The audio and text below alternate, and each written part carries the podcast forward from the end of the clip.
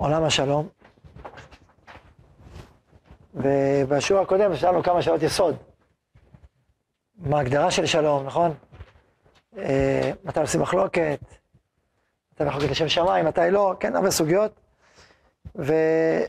ונתחיל היום עם ההגדרה של השלום. מה זה שלום? מה המשמעות של שלום? ועם זה נתקדם. אה, גם, גם ניגע בשלום בעולם ההלכה. מה, מה ההלכה אומרת על הסוגיה הזאת של השלום. אה, אז קודם כל שלום, שלום זה בעצם שלמות. שלום לשון שלמות, לשון שלם.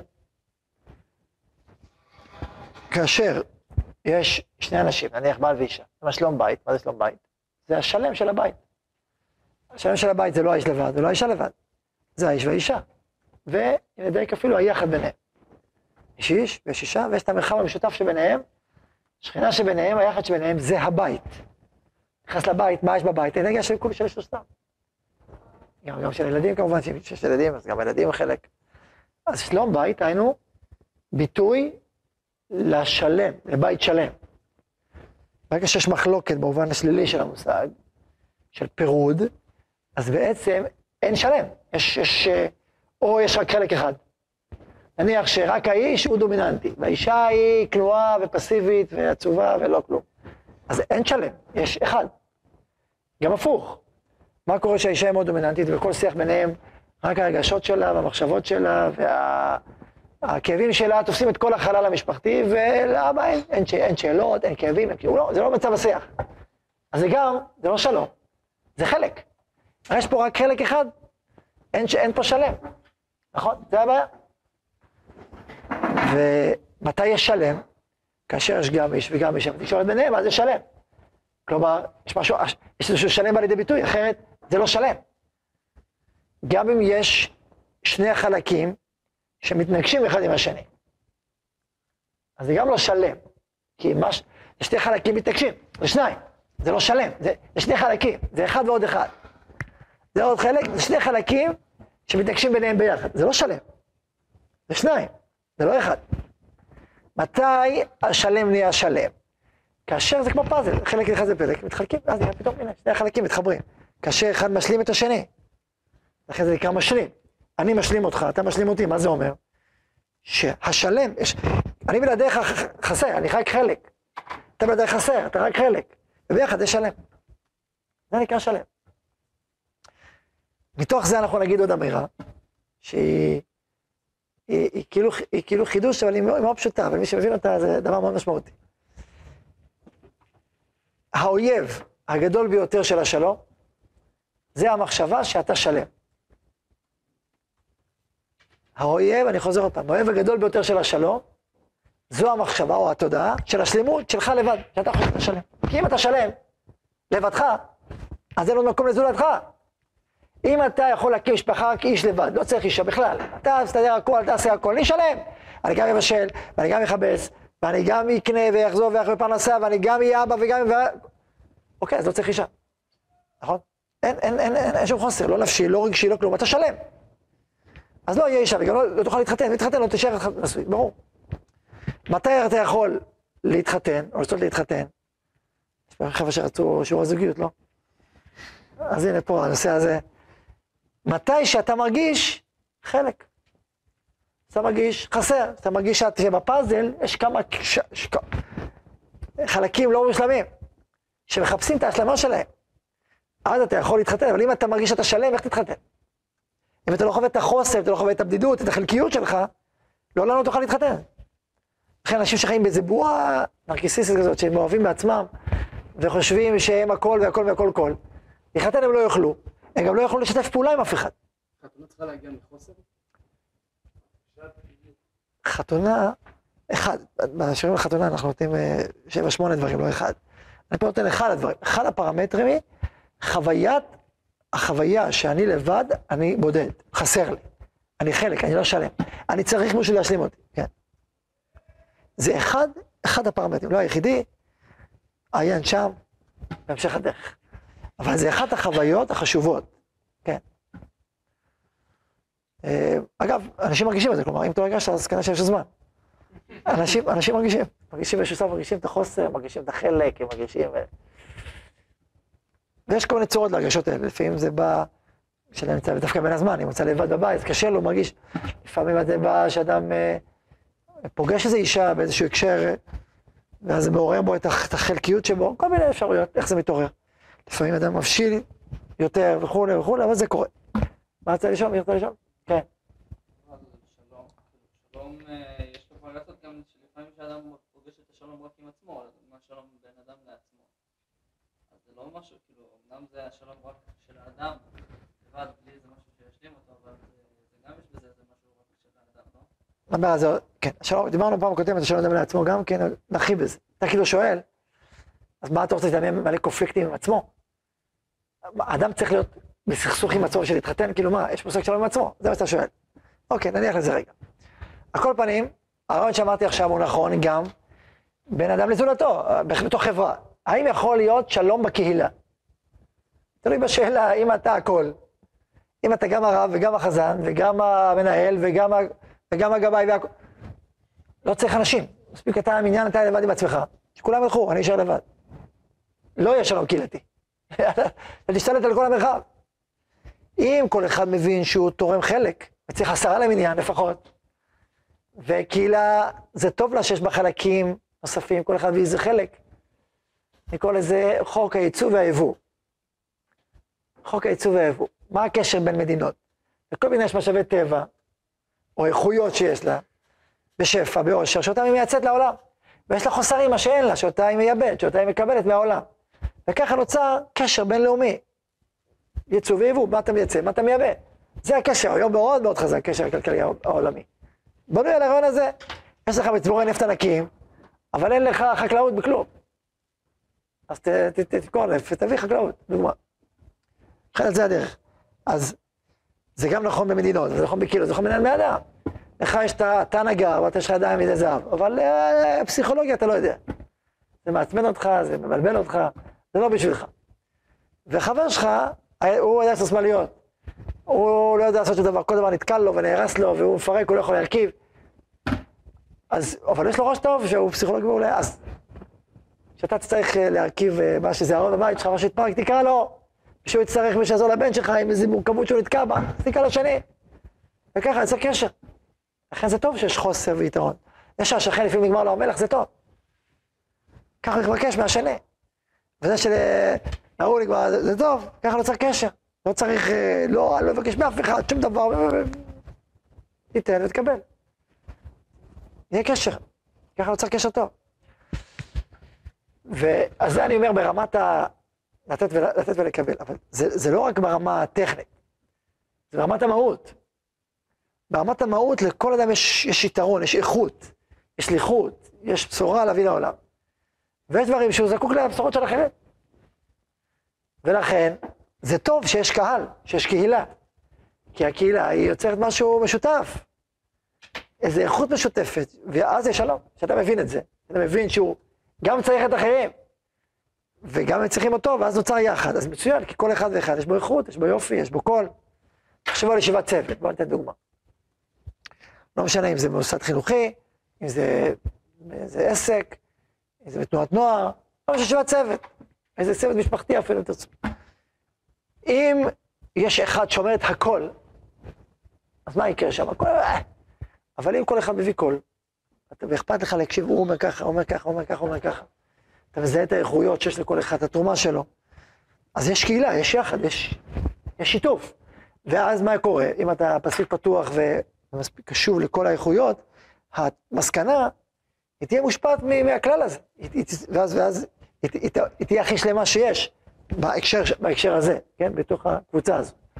היא, היא, ואז גם יהיה שלום, כי כל אחד יתרום את החלק שלו, והוא חלק מהסיפור, חלק מהסיפור. אז זה המושג של שלום, יכול להיות קהילה. חכמים תיקנו הרבה תקנות בשביל השלום, דבר זה עוד מעט, הרבה תקנות. כי יש הרבה מוקדי סכסוך, אבל אני אומר, מוקד סכסוך ראשון, זה החשיבה שאתה השלם. וזה נכון גם במגזרים. בוא נדבר על מדינת ישראל עכשיו, נדבר על העם, עם ישראל, גם במגזרים, וזה מחדש הרב קוק. זאת אומרת, אם אתה הרב חיים דוד שלי אמר שאין בכלל מושג מגזר, זה, לא ראיתי את זה כתוב, זה הסיפור הזה. חיפשתי במילון, אומר, זה לא מתאים למילה מגזר. היו כאלה ש...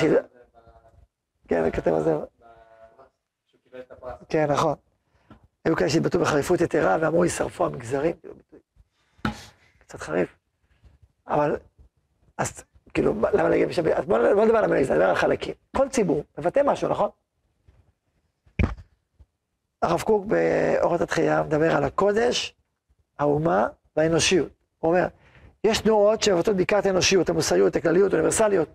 יש תנועות שמבטאות בעיקר את הלאומיות, ואת החשיבות הלאומית והמדינית, החברתית.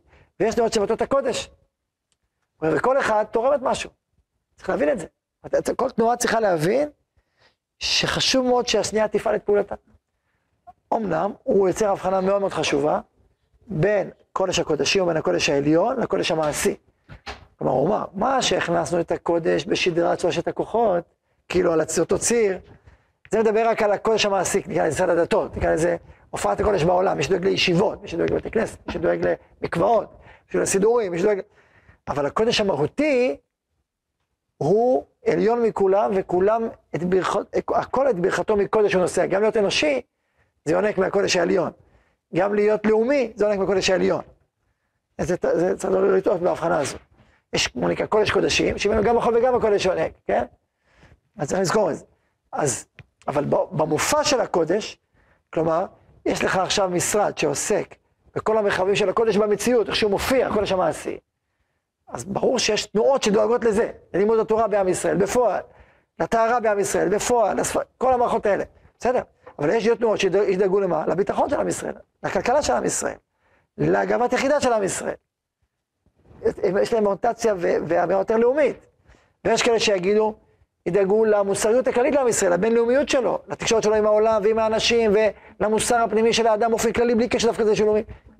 מה שתעניין, ברור שיש גם קשר לזה שהוא יהודי. מה? אז, זה, זה בדיוק כאילו הגוון הזה של, ה, של כאילו הליברליות, הלאומיות והקודש, כן? עכשיו, מסביר הרב שם, ש, שבעצם כל תנועה צריכה להבין שזה טוב לה שהעם היהודי, יש לו עוד תנועה לצידה. טוב לקודש שמי שדואג לאומה, טוב לאומה שמי שדואג לאנושיות, זה טוב.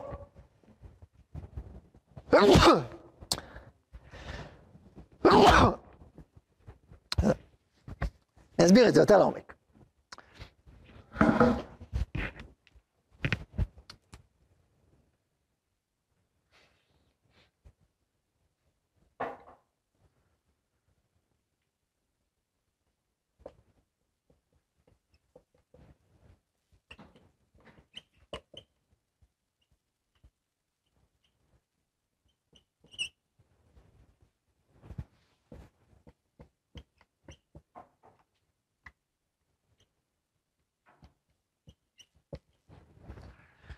אומר הרב, שלכל אדם, לכל אדם בעצמו יש שלושת החלקים האלה. קודש, אומה, אנושות. לכל אדם יש נטייה, בתוכו לשלושת החלקים, נטייה לקודש, ודאי לא בנשגב של הקודש, גם עולם הקודש המעשי.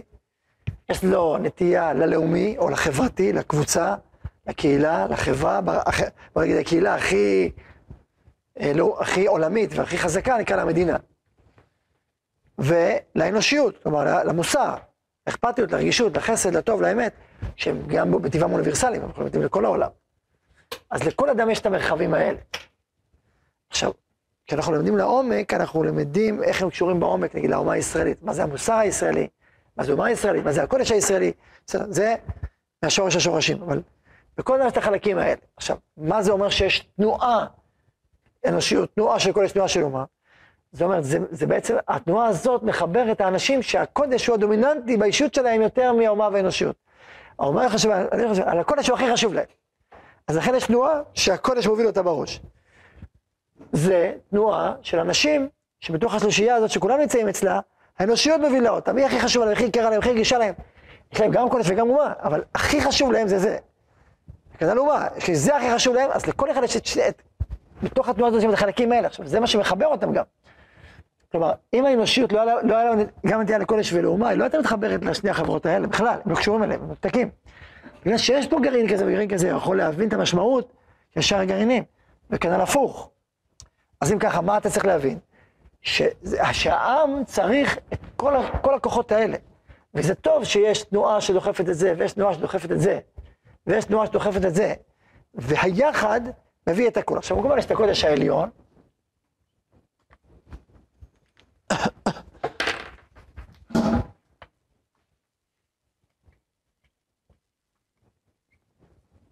שכל הערכים יונקים ממנו. בלי, אם אדם, אם אדם, קודש הקודשים כתבתי. אם אדם הוא כופר, יש כפירה יסודית, אז זה בעצם מנתק את הערך משורשו בכלל ערכים. אתה חי בעולם נטול ערכים, אם אתה נאמן לחשיבה כפירתית. כפירתית אומרת שהכל עולם הוא במקרה. הכל זה סתם, ביולוגי, פיצוץ, אתה פיצוץ, הכל פיצוץ, הכל פעם זה סתם חשמל, ביולוגי, פיזיקה, שקרות במקרה. אז אין משמעות, אין משמעות למשמעות. ואין כלום, הכל זה סתם. אז אוקיי, זה, זה, אז קיצצת את השורש של הכל. לכן, לכן הכל את ברכתו מקודש הם נושאים, ולכן אנחנו מדברים על זה, שבסופו של יום אנחנו מצפים ומקווים ומחכים לזה שכל עם ישראל ינק את הרוח שלו מהקודש העליון, ששלנו זה התורה. כן, זה לא דברים כלליים, זה התורה. אה,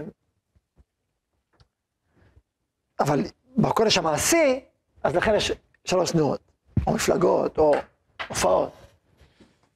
עכשיו, אם אתה חושב שאתה הכל, כמו שאתה, אז לא נכון לשתף פעולה, תגיד, אני מעדיף להעיף אתכם. עכשיו, אני רוצה עכשיו להקשות קושייה על מה שאמרתי. על הקבוצה או התנועה הדתית-לאומית, או התורנית-לאומית, אפילו יותר מזה. כי מה בעצם היא אומרת? היא אומרת שכל תפארתנו וכל uh, הדגל הפנימי שלנו זה שאנחנו לא מוותרים על שום חלק. אנחנו מצד אחד מדברים על קודש, ומצד שני על אומה, מצד שני שלישי לנו שלך הכל. אז למי עורב המחשבה, או לפי מה שאמרתי עכשיו, שלא צריך אף אחד? למי? לנו. נכון או לא? זו קושייה חזקה. עכשיו, זו לא סתם קושייה, כאילו, לא, זו קושייה אמיתית, כי באמת אנחנו באמת מדברים. לכן אנחנו... יש לנו איזה סליחות, אז מה עושים? כי זו קושייה גדולה, נכון? מה התשובה? גם לנו יש את החלק המרכזי. מה מפריע לנו? מה מה חסר לנו? לא, יש את החלק המרכזי שאנחנו מאמינים. זה... לא, מה- מה החלק... יפה. לא, זה מה שאתה אומר. אנחנו לכאורה, לכאורה אנחנו מאמינים בכולם בשווה. לא, הקודש העליון ברור שהוא קודש העליון, לכולנו. וגם בתוך הציבור יש כאילו... אז מה התשובה? מה התשובה? תחזור אליו. שאנחנו אין לנו את הקיצוניות. כשאתה חי בציבור ושם שלוש דגלים, שלושה דגלים, על כוחך אתה לא יכול להיות מיליטנטי בדגל אחד, עד הסוף. דוגמה, אני אדבר עכשיו על תורה. בוא נדבר על תורה, רבותיי, התפסו את התורה יומה ולילה. אם אני הולך לדבר ככה באופן טוטאלי, מה יקרה? אנשים לא יתגייסו. ברור. ואני גם, גם מה זה, אני מדבר נגד גיוס, נגיד, מה, צבא, תורה, תורה, תורה, תורה, תורה, תורה. לא, יק- גם להקים משפחות ספק, בין עזאי. בוא נגיד שגם משפחות בסדר, אבל כשאתה מאוד מאוד טוטאלי, אז זה ברור ששאר הדברים נדחקים הצידה, אין ספק. זאת אומרת, לא, לא, לא, אנחנו גם תורה אבל גם בצבא זה חשוב, לכתחילה, בגיל המתאים, בזמן המתאים. אוקיי, וגם, ככל שאתה אומר גם וגם, אתה מאבד משהו מהעוצמה של, של הקצה, של הובלת דרך, נכון? זה, זה, זה מחיר, זה מחיר שאתה משלם. אז כשאתה, כשאתה יש לך גם קודש, גם גם אנושיות, אז משהו מהחריפות, מהעוצמה של האומה, או מהעוצמה של האנושיות, הוא קצת מתערער. לכן זה טוב שיש תנועה שיש לה קודש ואנושיות. לא משהו כמו שקורה היום, זה לא מתוקן. זה לא מתוקן. כי האומה היא לא מספיק מודעת, יש, פה זה יותר מתוקן יחסית, זה יותר מודעת לקודש והאנושיות שבה. הבעיה הכי חמורה בדור שלנו, שהאנושיות לא מספיק מחוברת לקודש שבה ולאומה. כן, והיא, והיא צוררת אותם, כאילו נלחמת בהם. לא, בעומק, בעומק לא ככה, אבל בפועל ככה. ולכן הרב, הרב כואב לו על, הפירוד, על המלחמה בין הקבוצות. במקום להבין שכל אחד מבטא משהו שאני לא מבטא, אז גם אתה, אם גם אני אומר, הש- זה שיש חרדיים בעולם, זה טוב מאוד לעם ישראל, כי הם מבטאים איזשהו קודש באופן מאוד מובהק וחזק. אנחנו לא מאמינים בזה באופן שלם, מה פתאום, יש גם עבודה בעולם, יש גם צבא בעולם, והכל נכון, וזה באמת נכון. ואף על פי כן, זה שיש תנועה שמבטאת את זה בעוצמה, זה, זה חשוב לעם ישראל. וזה שיש תנועה שמבטאת את הלאומיות בעוצמה, זה חשוב לעם ישראל. עכשיו, עכשיו, המצב היום הוא לא מתוקן, אבל במהות שלו, זה הסיפור שלו. אז גם התורה, הדין לאומי, אז יש בו, נכון שמצד אחד הוא מבטא כמה שיותר בעוצמה את הגדלים. מצד שני הוא מבין שזה שיש עוד כוחות שמבטאים בעוצמה משהו אחר, אז זה טוב. עכשיו, עכשיו, בגלל, שנייה, אני אסביר. בגלל שהמצב לא מתוקן, אז לכן, בגלל שהחילוניות היא קיצונית, אז גם החרדיות קיצונית. כלומר, יש קשר גם, הקצ- הקצוות מזינים זה את זה. כלומר, אם העולם החילוני היה מרוכך יותר, ומחובר יותר לקודש שלו, נגיד, ולאומה שבו, אז לא היה צריך להעמיד מולו כוח הפוך.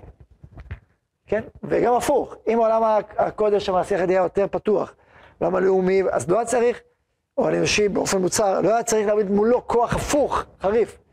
לכן יש קצוות מזינות זו את זו, שהעולם יהיה יותר מתוקן, החברות, יותר מתוקן, יותר מחובר, אז ממילא הקצוות יתרככו ויתעדנו. מבינים את האמירה הזאת? עכשיו, עכשיו, אה, נחזור לשאלה ששאלתי מי שחושב שהוא שלם.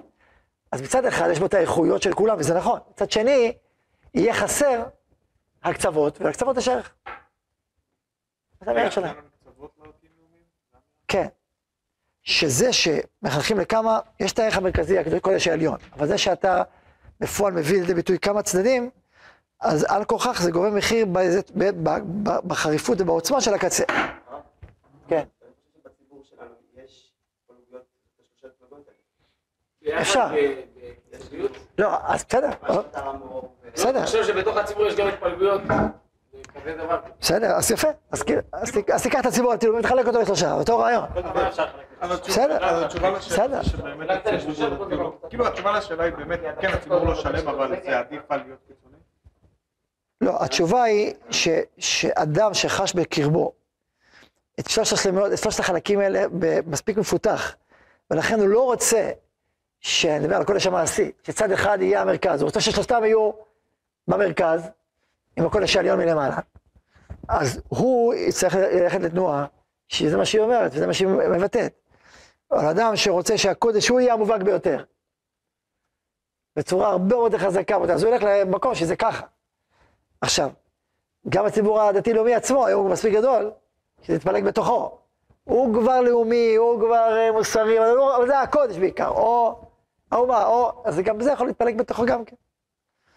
ההתפלגות, זה לפי המושגים האלה. לא- זה לא המושגים היחידים שאני מסתכל, דקה מסתכל על הציבור, אבל יש עוד מושגים ועוד, אה, ועוד אה, המשגות, אבל זה המהלך של הרב באורות התחייה י"ח, ואני הבאתי את זה בהקשר שהבעיה מספר אחד, ליצור שלום, זה ההבנה שאתה שלם. אז אם יש ציבור שחושב שהוא לבדו, הוא לבדו ואין בלתו, זה בטלה מספר אחד. אם האדם החרדי יחשוב שהוא לבדו, מספיק למדינת ישראל או לעם ישראל, הוא טועה טעות חמורה. כי מי יעשה את כל החלקים האחרים? יקם מעצמו. וודאי אם העולם החילוני חושב לבדו, ודאי זו טעות חמורה. כי מי יישא את הדרך של התורה והקדושה והלאומיות. אז לכן, מי שחושב שהוא לבדו, הוא, טועה טעות חמורה, ועם ישראל זקוק לתנועות הנוספות. אז ברגע שאתה מבין את זה, אז הרבה יותר קל לך להתחבר וליצור שלם. את השלם המשותף. אבל גורם אבל, יודעים להיות יותר טובים. עכשיו, הרב מחדש עוד חידוש עצום, עצום, בהמשך הדרך, אולי נבטא את זה גם כן באדם לחברו ונסביר את זה, שהוא אומר, לא רק שחשוב לך ולקודש שבך שיהיה קודש מובהק, נניח, נניח שאתה בקודש, אז חשוב לך שיהיה את זה ויהיה את זה, כי הם, הם יזינו את האנושות ואת האומה, הם יזינו את שאר החלקים. חשוב לך שיהיו תנועות, כי אתה לא מבטא את, את הכל. לא רק זה, אלא ית- יתרה מזאת, הוא מחדש חידוש גדול ונפלא, אומר, מה קורה ששלוש תנועות בכנסת ויש מריבה על התקציב. זה אומר, תן לי את התקציב הזה, זה. בעולם אידיאלי, כל אחד אומר, מסביר את הלמה זה חשוב לי, ונכון, ויכוח, הוא אומר את זה, הוא אומר את זה, כל אחד יש לו- אחריות על, על השליחות שלו והעיקרית.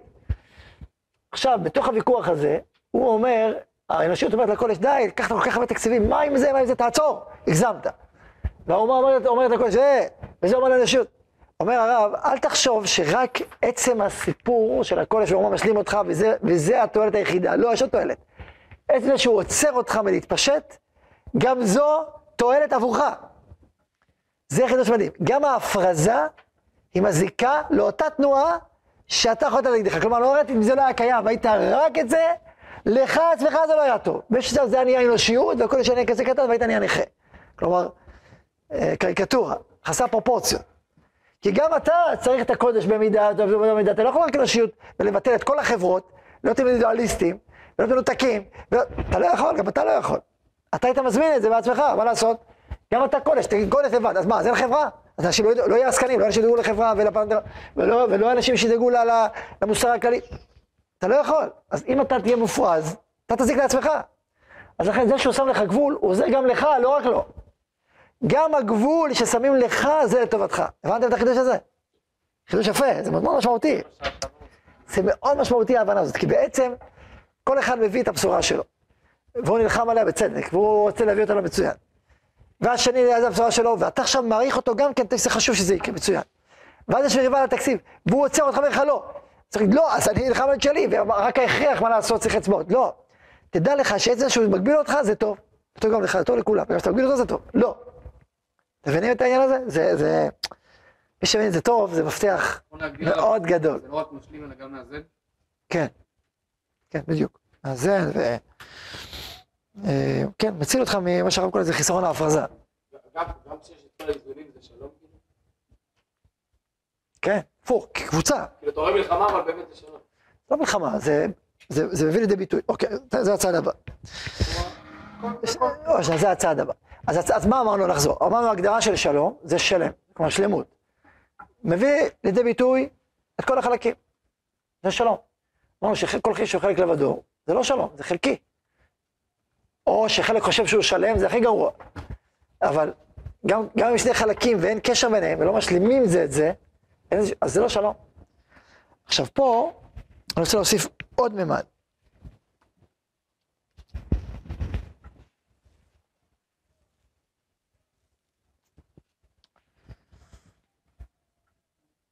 כתוב שהקדוש ברוך הוא שמו שלום, נכון? מה אנחנו רוצים להגיד? שזה שם של הקדוש ברוך הוא. מה, מה זה בא לומר? שזה, שזה שמו של השם. נקרא שמו השם שלום. מה, מה, מה? זה לפי ההבנה שלנו. זה, ב- כאילו, זה בעצם בא להגיד שאין, ב... שכאילו בן אדם לבד לא יכול להיות שלם. כלומר, לעולם אנחנו כחברה, או כאומה, או כעולם, לא יכולים להיות שלמים במובן הטוטאלי. זה כמו, כמו האמת.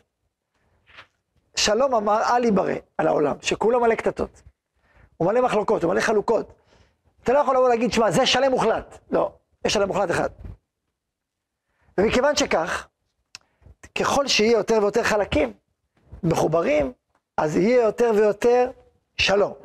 כלומר, שם שלום, שהוא כולל הכל, יישרה יותר ויותר. יהיה יותר השראת שכינה, ככל שיהיה יותר שלום, יותר השראת שכינה. למה? כי השלם המוחלט יהיה לו יותר ויותר מקום. ככל שאתה חושב שאתה שלם המוחלט, אז, אז זה הפוך, אתה, אתה, אתה חסר.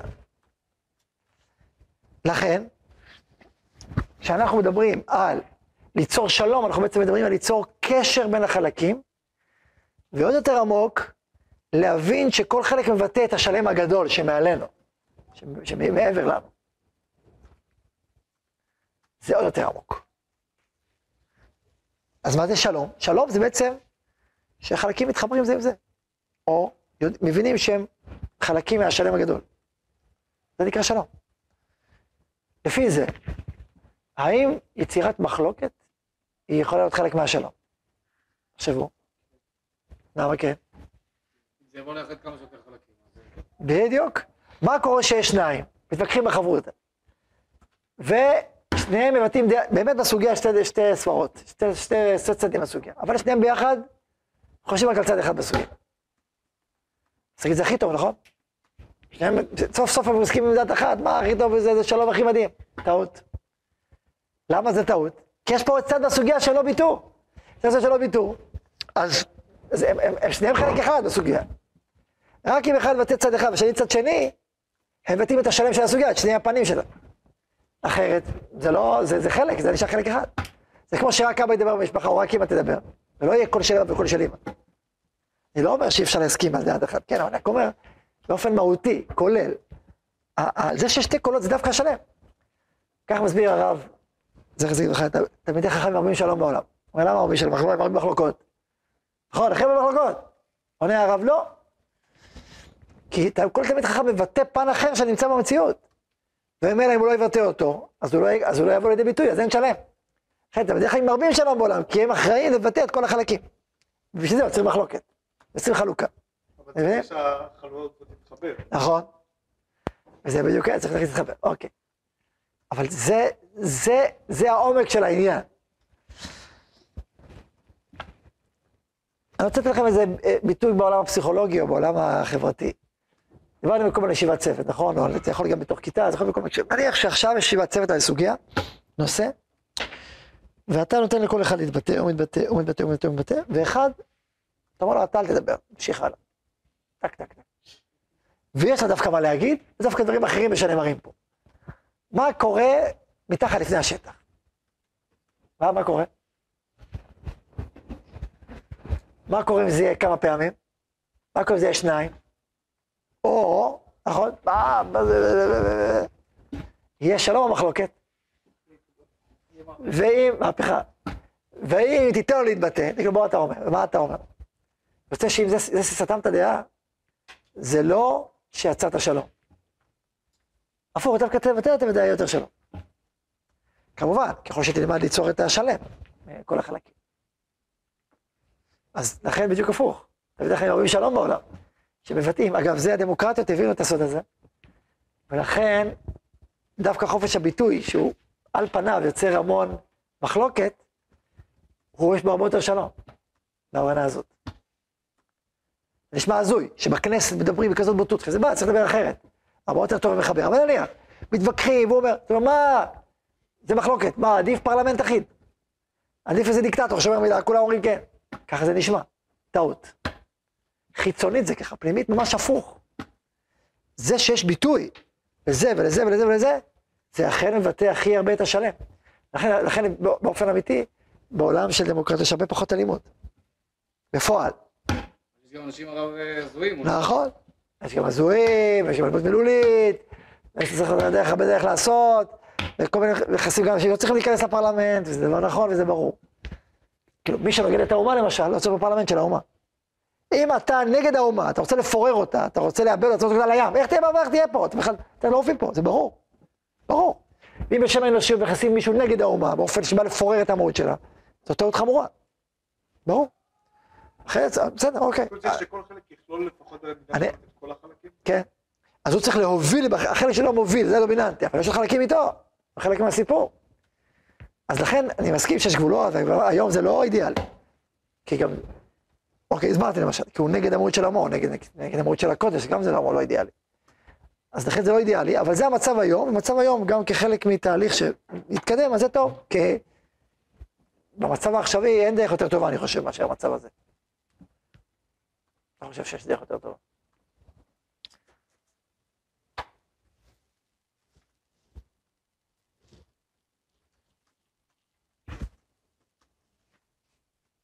כאשר אלה שהולכים בדרך התורה היו רוב, צריך הרבה חוכמה איך לפעול. מצד אחד, העיתונות הציבורית תהיה על פי הרוב, כמובן, גם כמו שהיא עכשיו על פי הרוב. מצד שני, תהיה השאלה, מה עושים במיעוטים, ואיך עושים את זה נכון וטוב, ולפי התורה בדור שלנו. אני מקווה אז תהיה נבואה, ואז אה, לנו הדרכה מלמעלה. אבל אם לא, אז תמצא את הדרכים. איך מצד אחד בונים חברה עם דרך התורה, מצד אחד. מצד שני, כיוון שאנו סנהדרין, ואין סנהדרין זה משמעות שאנחנו לא הגענו להבשלה לסנהדרין, אז זה אומר שצריך לפעול באופן אחר. כן חוקים, כן חברה ציבורית, כן, אבל באופן אחר. אה, אוקיי, אז לפי מה שאמרנו עכשיו, בעצם, אה, כאשר, כאשר מחלוקת אמיתית היא בעצם הבאה לידי ביטוי באופן אותנטי חלקים אמיתיים של המציאות. ועכשיו נבין את המשפט שלמדנו ושאלנו עליו בהתחלה, כל מחלוקת שהיא לשם שמיים, סופה להתקיים. כשאתה לשם שמיים סופה להתקיים, אמרנו מה, איזה מין דבר זה? סופה להתקיים, אז זה, קללה, לכאורה זה בעיה. התשובה היא לא. מחלוקת שהיא לשם שמיים, זאת אומרת שהיא עניינית, זאת אומרת שהיא באמת מבטאת משהו במציאות. משהו שהוא צריך לבוא לידי ביטוי, אמיתי, ולא בא לידי ביטוי, אז אתה מביא אותו לידי ביטוי. לכן סופו להתקיים, כי באמת ביטאת פה קו אמיתי. אבל אם זו מחלוקת שלא עניינית, היא לא, היא לא צומחת מתוך באמת רעיון או נטייה שצריך לבטל, אלא היא צומחת מתוך, זה אישי, זה סתם כבוד, זה משהו חיצוני, אין סופה להתקיים, כי לא נושאת בתוכה איזה מסר של, שצריך לעבור, אלא רק אני אתה. ברגע שאני אתה הולכים, הולכת המחלוקת. אבל אם המחלוקת מבטאת צד, מבטאת צדדים אמיתיים, אז היא נשארת, כי באמת יש פה שני צדדים. כיוון שיש שני צדדים, אז הם, הם נשארים. אנחנו יכולים לשם מצווה להתקיים, שם שם מצווה להתקיים. אין מחלוקת לשם שמיים, הלל ושמיים. זה מבין לשיעור הבא, נדבר על שמיים. נסביר דוגמה מה זה לשם שמיים. למה הלל לשם שמיים? למה מצווה להתקיים? למה?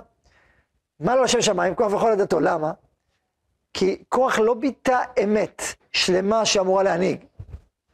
כוח כן יש בו רעיון אמיתי של כל הגדולים הקדושים, אבל כל ידע כולם קדושים, אז לכן לא צריך הנהגה? ברור שזה שקר. נכון שהם כולם קדושים, אבל צריך הנהגה. כי איך אפשר לציבור בלי, בלי ראש? אין דבר כזה. אין מבנה חברתי שאין בו ראש. אין דבר כזה. אחרת, תחשבו, עשרה אנשים הולכים ביחד, ואין ראש, מה קורה? צריכים לנסוע, עומדים. הוא הולך לפה, לא, עשרה ראש. אז עומדים, לא יזוזו כלום, פשוט יעמדו. כי מי שהולך ללכו אחריו, הוא יהיה הראש. אז מה, אז כולם יעמדו? לנצח? ברור שצריך ראש. אז יבואו אותי שיגידו אתה הראש, לך קדימה. או יעשו הצבעה, יגידו לראש, תעשה הצבעה. אוקיי, נכון, זה פתרון, כל הזמן על פי הרוב. מה יהיה הפלפולים? איך אתה מנסח את השאלה? בוא נעשה על זה הצבעה, ונעשה גם על זה הצבעה, ולא יגמרו לעולם. צריך יושב ראש לאספה, נכון? יושב ראש ואיך מצביעים, מה לעשות? אז יושב ראש הוא ראש באיזה מידה. ננהל את האירוע? לכן יש גם אנשים שבכישרון שלה יש מנהיגות, שיובילו, אחרת מה יקרה? לכן החברה, החברה באופן מהותי, אימיננטי, מבפנים, אם הראש תחשוף. אתה יכול, אי אפשר לשנות את זה. בוקר בעודה השם אותו שלו, אומר, אומר משה לקורח, גבולות חלק יש בחור עולמו, יש בוקר, יש ערב, שער יש בקעה, אתה יכול לשנות את זה? ביסוד זה ככה, בנוי ראש תחשוף, אז מה תשנה? זה סתם, אז למה אתה, אז למה אתה טוען שהכל שווה? כי אתה רוצה להיות בראש. זה לא השאלה האם יש ראש, השאלה היא מי הראש. וזה מה שאמר אשתו שלו בפלט, לקורח, אמר לו, רגע, לא מבינה. עדת קורח היא לבד הולכת? אין לה מנהיגים? אין לה? יש לה, מי המנהיגים? אה, קורח. אז מה הרווחת? אם הקורח, אז מה עדיף, משה או מנהיגים, אז מה עשית? זה מה שהיא לו. אבל את צודקת, נכון? מי מוביל את האופוזיציה? ראש האופוזיציה. אז הוא מדבר על כולם וכולם וכולם, והוא ראש האופוזיציה, אוקיי, תגיד לי, אתה רוצה את הראש, מה? תדבר איתי על כולם. מבינים את העניין הזה? זה, צריך להעמיק בו, אבל זה ככה בקצרה. למה הזכרתי את זה? כוח וכל עדתו. אז המחלוקת היא לא האם צריך ראש כמו שהוא אומר. לכן סופה להתקיים. המחלוקת היא מי הראש? אוקיי, אין סופה להתקיים, אתה רוצה את הכבוד שלך, זה עברת, עברת, אתה עבר מחלוקת. ברור? אוקיי, אנחנו, אחד השיעורים אולי, או נעסוק בהלל שמאי כבר מעכשיו, יכול להיות? ואז שיעורים אחרים, תזכירו לי, נעסוק בעולם ההלכה, כלומר השלום בראי ההלכה. ולראות מה המשמעות ההלכתיות של כל הנושא הזה, יש בזה הרבה הלכות הלכתיות. זה אחד השיעורים לעסוק בזה, יכול להיות ששיעור הבא גם נתחיל בהלל שמאי, אבל באיזשהו שלב נעסוק גם בזה. ברוך ה' לעולם, Mas.